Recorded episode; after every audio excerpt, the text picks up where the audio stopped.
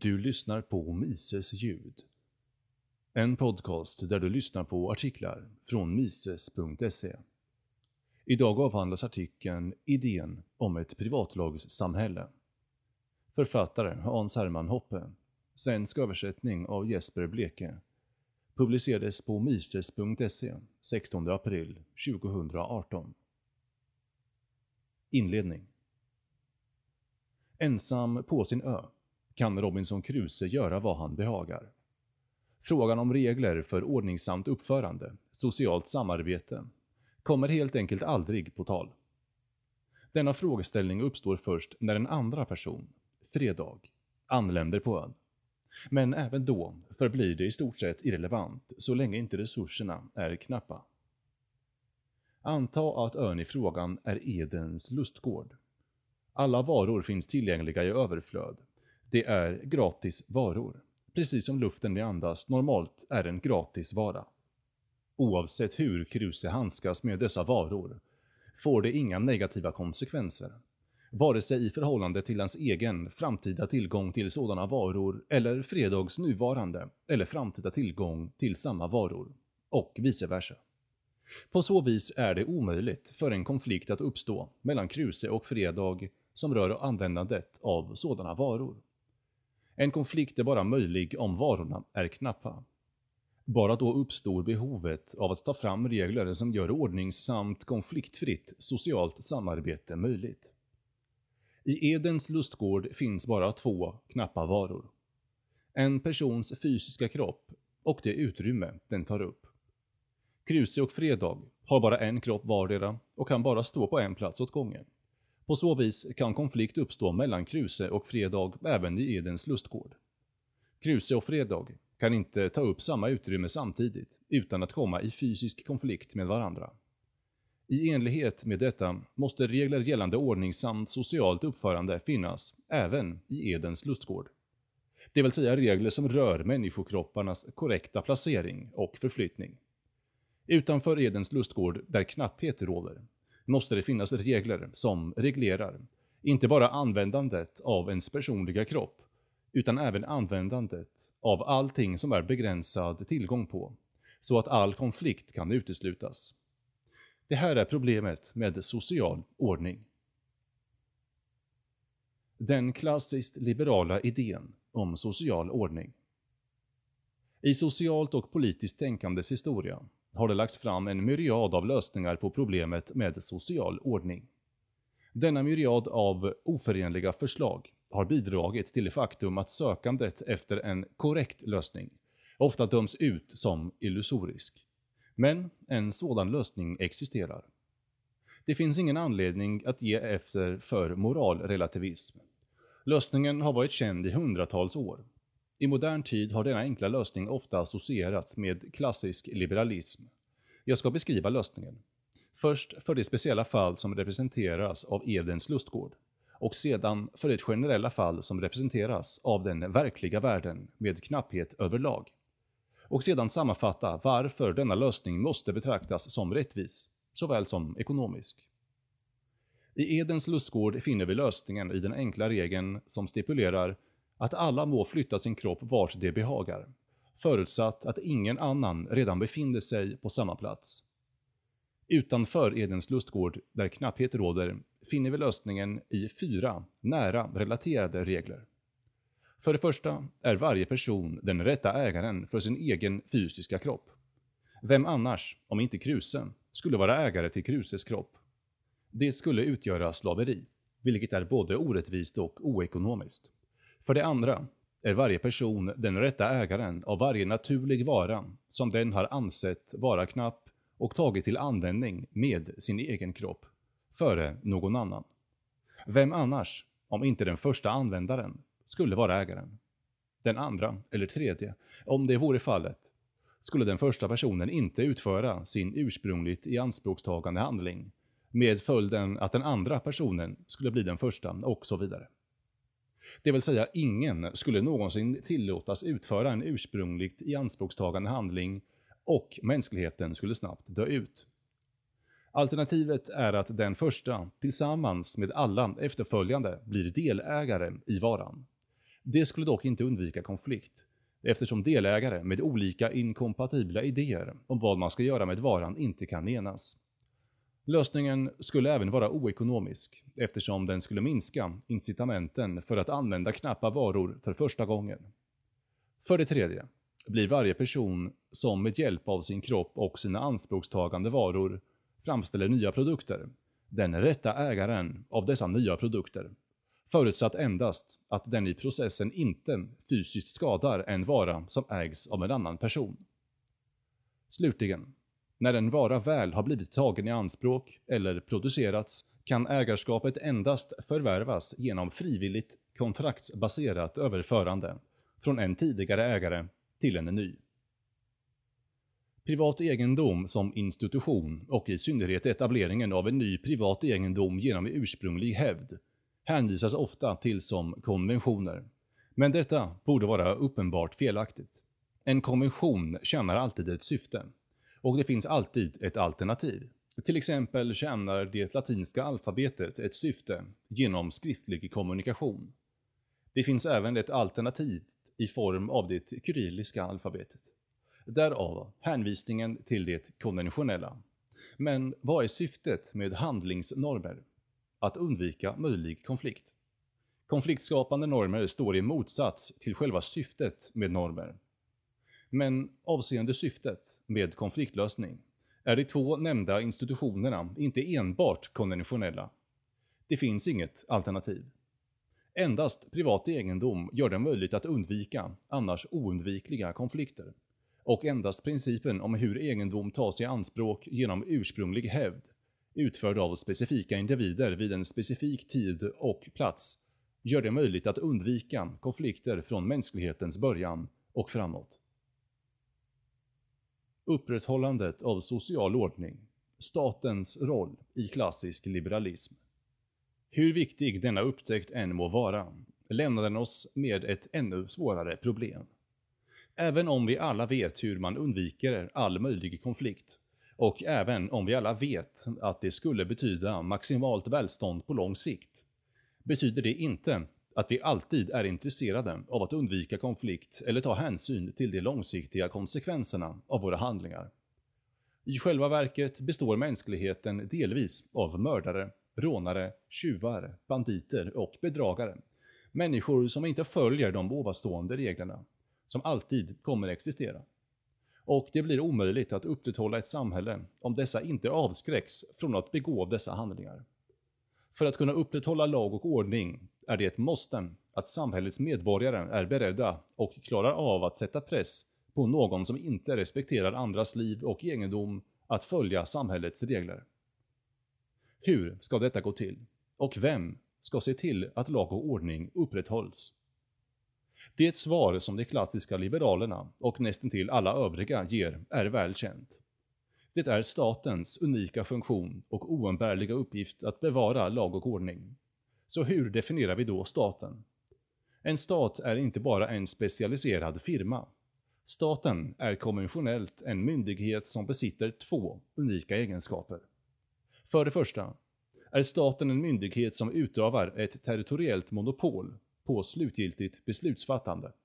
Alltså den avgörande domaren i varje konflikt, inklusive konflikter som gäller den själv, utan möjlighet att överklaga högre eller till någon annan utöver den själv. Vidare är staten en myndighet som utövar ett territoriellt monopol på beskattning.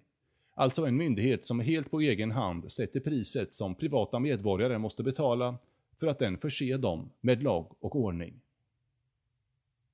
Den klassiska liberalismens misstag.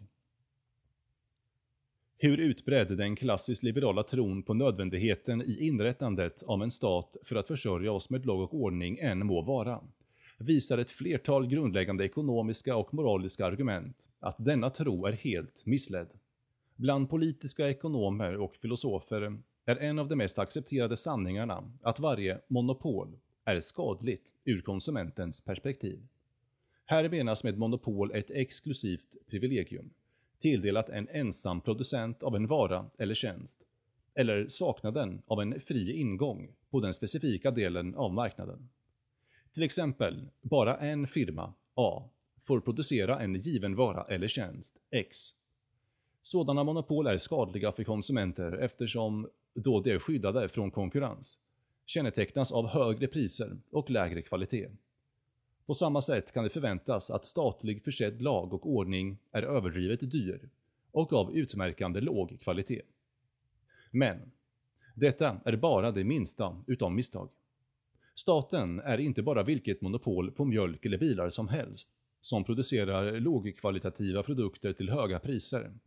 Staten är unik bland alla firmor, eftersom den inte bara förser oss med nyttigheter, utan också onyttigheter. Den måste i själva verket producera onyttigheter för att kunna producera någonting som inte skulle kunna kännetecknas som en nyttighet. Staten är, som tidigare noterat, den högsta domaren i varje konflikt, inklusive konflikter som innefattar den själv. Som en direkt följd kommer en monopolist på beslutsfattande inte bara förebygga och lösa konflikter, utan också provocera fram konflikter för att avgöra det till sin fördel. Det vill säga, om man endast kan vända sig till staten för rättvisa, kommer rättvisan förvrängas till statens fördel, trots grundlagar och högsta domstolar. Dessa är självfallet statliga grundlagar och domstolar, och oavsett vilka begränsningar på statens handlingsutrymme det må finna, tas beslut av ombud från samma institution som är under granskning. Förutsägbart kommer definitionen av egendom och beskydd att ändras kontinuerligt och lagen utvidgas till statens fördel. Idén om en lag som är fristående och omutbar, som måste sökas och finnas, kommer försvinna och ersättas av idén om lagen som lagstiftning, en flexibel och av staten skapad lag. Ännu värre är att staten är en monopolist på beskattning. Och medan de som tar emot skatter, staten och dess anställda, ser skatt som någonting bra, ser det som måste betala skatterna dem som någonting dåligt, en expropriering. Som en skattefinansierad myndighet avser att beskydda och bevara liv och egendom står staten alltså i strid med sig själv. Den är en exproprierande egendomsbeskyddare som producerar ännu mer skatter och ännu mindre beskydd. Även om staten begränsade sina aktiviteter till beskydd av medborgarnas egendom, som klassiska liberaler föreslagit, skulle frågan om hur mycket säkerhet den skulle producera uppstå. Motiverad såklart, av egenintresset och egennyttan i arbete, men försödd med den unika makten att beskatta, skulle statens ombud nästan uteslutande ha som mål att maximera utgifterna på beskydd och nästan hela nationens välstånd kan tänkas slukas av säkerhetskostnaden och samtidigt minimera produktionen av beskydd. Ju mer pengar man kan spendera och ju mindre man måste arbeta, desto bättre. Summa summarum, den givna incitamentstrukturen i staten som institution är inte ett recept för beskydd av liv och egendom, utan istället ett recept på felbehandling, förtryck och utnyttjande. Detta är vad statens historia illustrerar. Det är först och främst historien om miljoner och åter miljoner människoliv som förstörts. Misstagen sammanslagna. Demokratisk liberalism. När klassisk liberalism väl, felaktigt, antagit att inrättandet av en stat var nödvändigt för att bibehålla lag och ordning, uppstod följande fråga. Vilken form av stat lämpar sig bäst för uppgiften? Medan det klassiskt liberala svaret på denna fråga inte på något sätt var enhälligt, var det emellertid högt och klart. Den traditionella formen av kungligt styre var oförenligt med den omhuldade idén om universella mänskliga rättigheter eftersom det var ett styre baserat på privilegier. Det var därför uteslutet. Hur skulle man då förena idén om universella mänskliga rättigheter och stat? Det liberala svaret var genom att öppna upp deltagandet på lika villkor för alla via en demokrati. Vem som helst, inte bara en adlig klass med ärftliga privilegier, tilläts bli en statlig ämbetsman och utöva regeringsmakt. Men denna demokratiska likhet inför lagen är något helt annat än och oförenlig med idén om en universell lag som tillämpas lika på alla, överallt och alltid. I själva verket bibehålls den gamla förkastliga schismen och ojämlikheten mellan kungarnas högre lag och den underställda lagen för vanliga undersåtar under det demokratiska statsskicket i form av separationen mellan offentlig och privat lag och den förstnämndas herravälde över den sistnämnda. I en demokrati finns inga personliga privilegier eller privilegierade personer, men funktionella privilegier och privilegierade funktioner finns.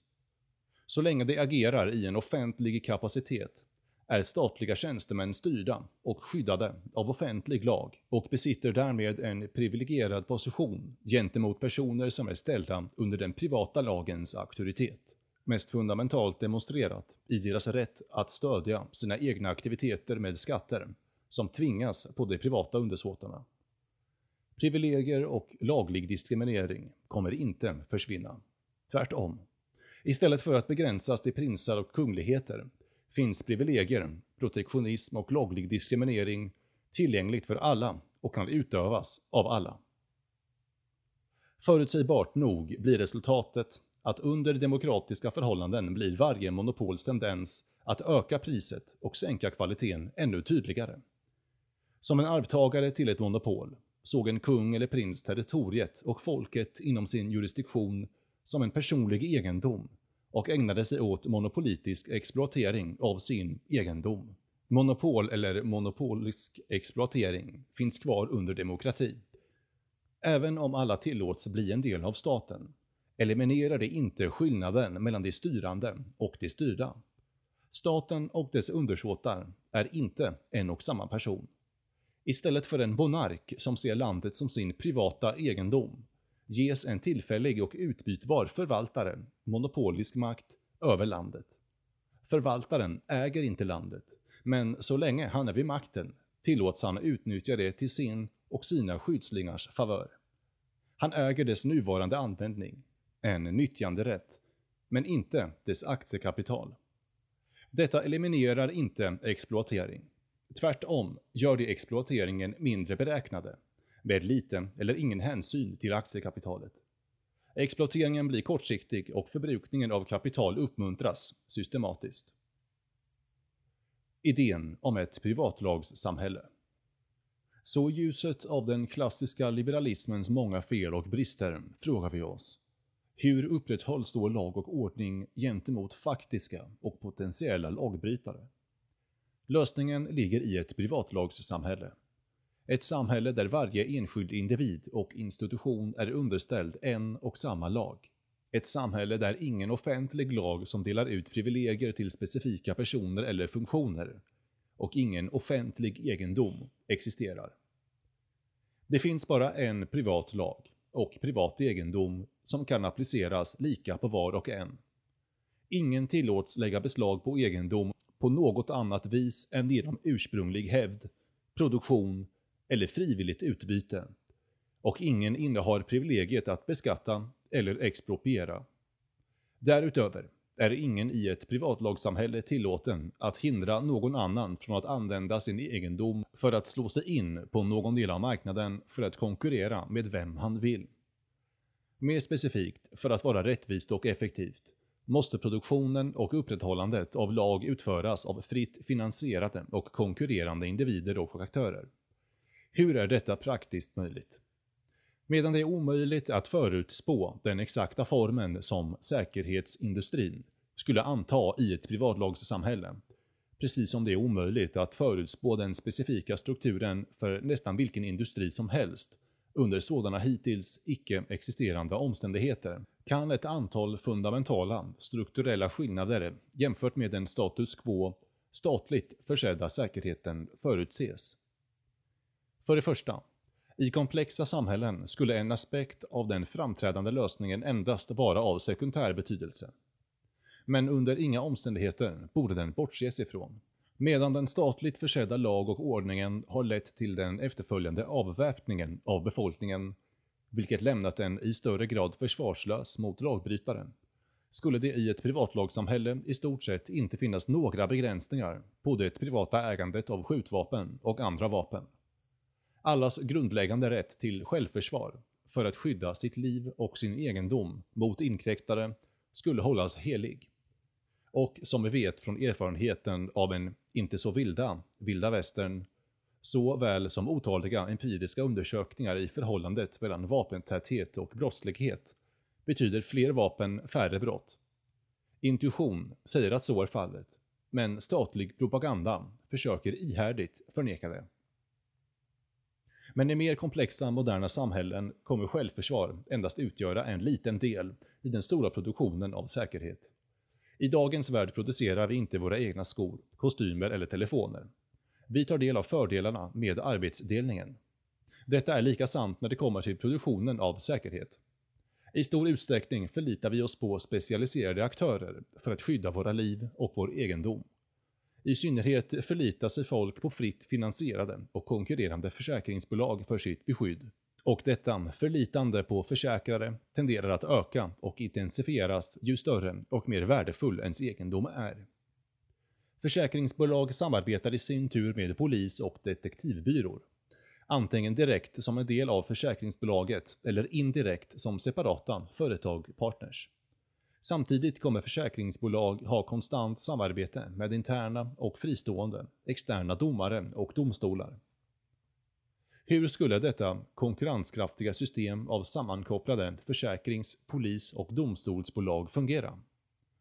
Konkurrens mellan försäkrare, polis och domare om betalande klienter skulle skapa en trend av fallande priser på beskydd i förhållande till värde. Vilket skulle göra det billigare och mer prisvärt.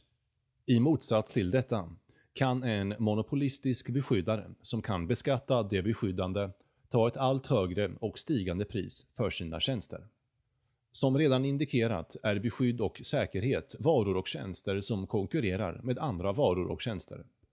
Om fler resurser läggs på beskydd kan färre läggas på bilar, semestrar, mat eller dryck till exempel. Dessutom konkurrerar resurser som läggs på beskyddare av A eller Grupp A, människor som bor på västkusten, med till exempel resurser som läggs på beskyddandet av B eller Grupp B, människor som bor på östkusten. Som en skattefinansierad monopolist kommer statens allokering av resurser oundvikligen vara godtycklig. Det kommer finnas överproduktion, eller underproduktion, av säkerhet jämfört med andra konkurrerande varor och tjänster. Och det kommer finnas överskydd av individer, grupper eller regioner och undermåligt beskydd av andra. Detta står i kontrast med ett system av fritt konkurrerande säkerhetsbolag, där all godtycklig allokering, all över- och underproduktion skulle försvinna. Beskydd skulle tilldelas den relativa betydelsen som det har i ögonen på frivilligt betalande klienter. Och ingen person, grupp eller region skulle ta emot beskydd på bekostnad av någon annan. Utan alla skulle ta beskydd som stämde överens med vad de har betalt för. Dessutom skulle försäkrare vara tvungna att ersätta sina klienter i det fall de skulle fara illa, vilket betyder att de måste vara effektiva. När det gäller sociala katastrofer, brottslighet, i synnerhet, innebär detta att försäkraren främst skulle bekymra sig över förebyggande, eftersom om han inte kunde förebygga brott skulle han vara tvungen att betala. Vidare, om en kriminell gärning inte kunde förebyggas, skulle försäkraren fortfarande vilja återbörda stöldgodset, omhänderta lagbrytaren och skipa rättvisa, eftersom detta skulle reducera försäkrarens kostnad och tvinga den kriminella, istället för offret och dess försäkrare, betala för skadorna och stå för kostnaden för ersättningen. I rak motsats till detta, eftersom tvingande monopolistiska stater inte ersätter offren och eftersom de kan förlita sig på beskattning som försörjning, har de lite eller inga incitament att förebygga brott eller återbörda stöldgods och omhänderta kriminella. Om de skulle lyckas omhänderta en kriminell, så skulle det typiskt tvinga det skattebetalande offret och övriga att stå för kostnaden i samband med den kriminellas fängelsevistelse och därmed strö salt i såren. Det har redan noterats att privatlagssamhällen karaktäriseras om en obehindrad rätt till självförsvar och därmed utbrett vapenägande. Denna tendens stärks ytterligare av försäkringsbolagens viktiga roll i sådana samhällen. Alla stater strävar efter att avväpna sina undersåtar, av den enkla anledning att det är mindre farligt att samla in skatter från en obeväpnad man än en beväpnad man. Om fritt finansierade försäkringsbolag skulle kräva, som ett förbehåll för beskydd, att potentiella klienter överlämnade alla verktyg för självförsvar, skulle det omedelbart väcka misstanke gällande deras underliggande motiv och det skulle snabbt gå i konkurs. I egenintresse skulle försäkringsbolag belöna beväpnade klienter. I synnerhet de som kan visa på någon typ av träning i att hantera vapen, genom att sänka avgiften för att motsvara den lägre risk de har för att bli utsatta. På samma sätt som försäkrare tar mindre betalt om husägaren har ett larm eller ett kassaskåp installerat, skulle en tränad vapenägare innebära en lägre försäkringsrisk. Som en skattefinansierad monopolist på beslutsfattande kan stater lägga ut kostnaderna associerade med aggressivt beteende på hjälplösa skattebetalare. Stater är därför av naturen mer benägna att bli angripare och vapenskramlare än aktörer som själva måste bära kostnaden av aggression eller krig. Försäkringsbolag är av naturen defensiva snarare än aggressiva aktörer. Å ena sidan beror det på att varje aggression för med sig en kostnad och ett försäkringsbolag som ägnar sig åt aggressivt uppförande skulle kräva jämförelsevis högre premier, vilket skulle leda till förlusten av klienter till icke-aggressiva konkurrenter. Å andra sidan är det inte möjligt att försäkra sig mot varje tänkbar risk. Det är snarare endast möjligt att försäkra sig mot olyckor, det vill säga risker vars konsekvens den försäkrade inte har någon kontroll över och som den inte har något ansvar i. Det är på så vis möjligt att försäkra sig mot risken att dö, eller mot en brand till exempel. Men det är omöjligt att försäkra sig mot risken att begå självmord, eller risken att tända eld på sitt eget hus. På liknande sätt är det omöjligt att försäkra sig mot att företaget går dåligt, man blir arbetslös, eller att man ogillar sina grannar, eftersom man själv delvis har kontroll över händelserna i fråga.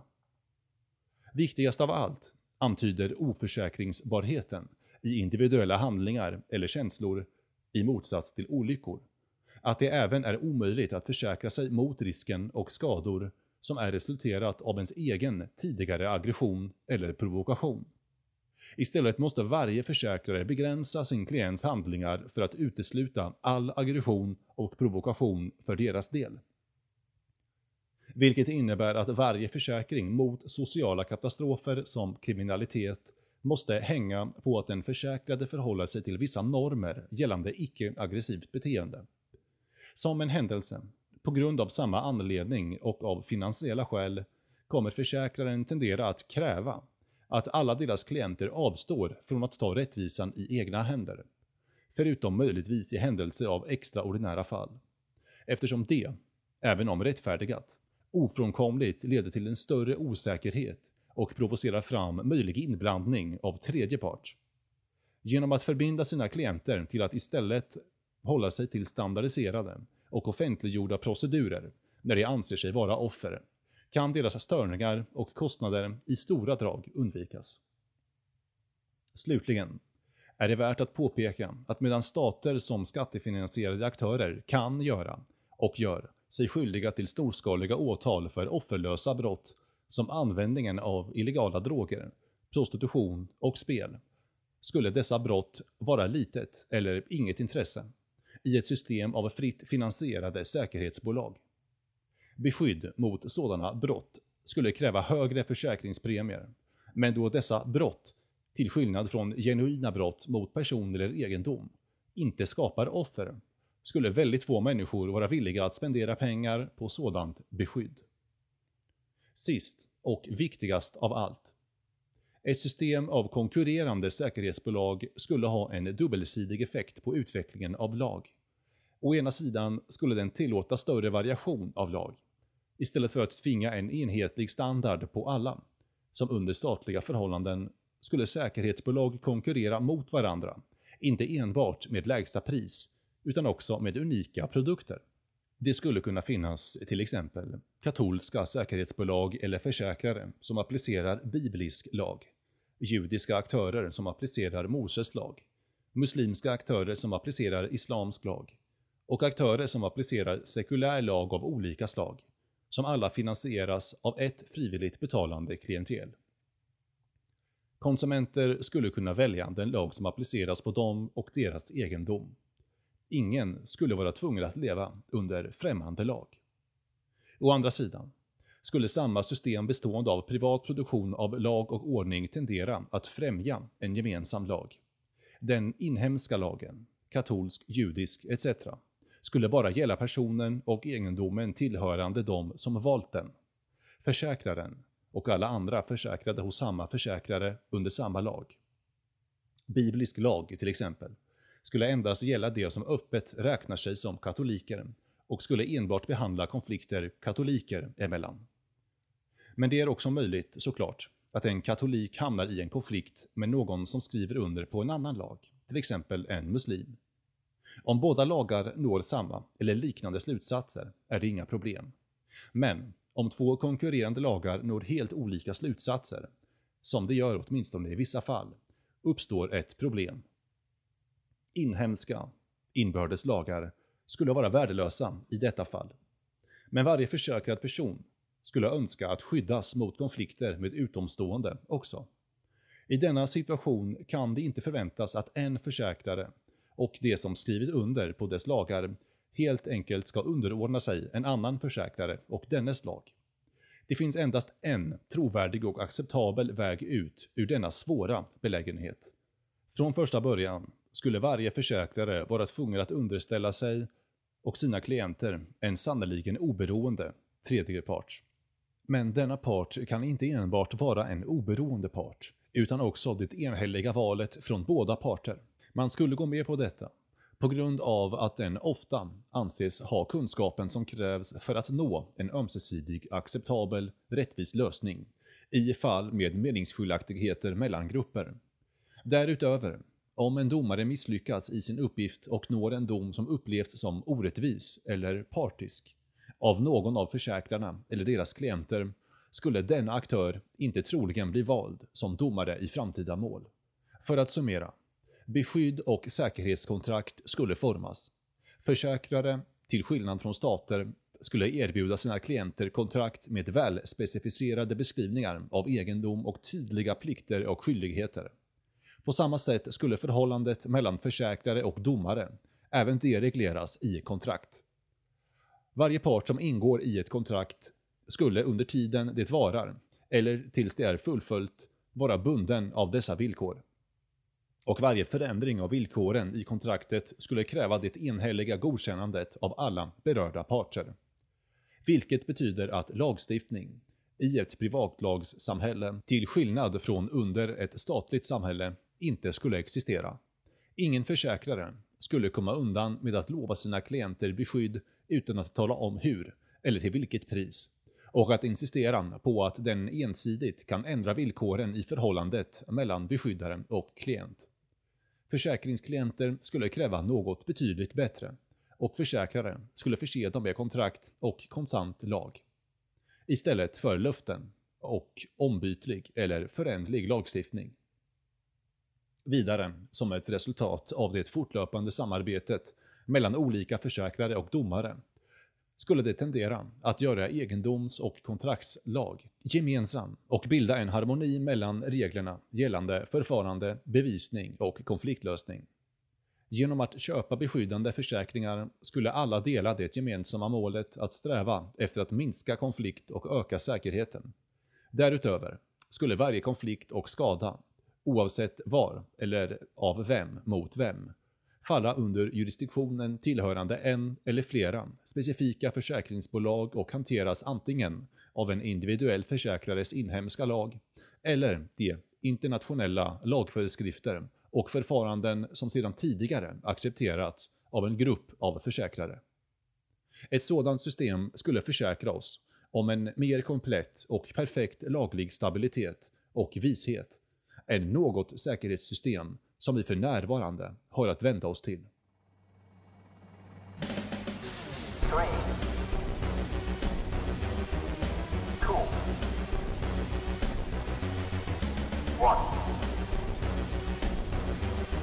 Last, don't put your trust in politics and political parties.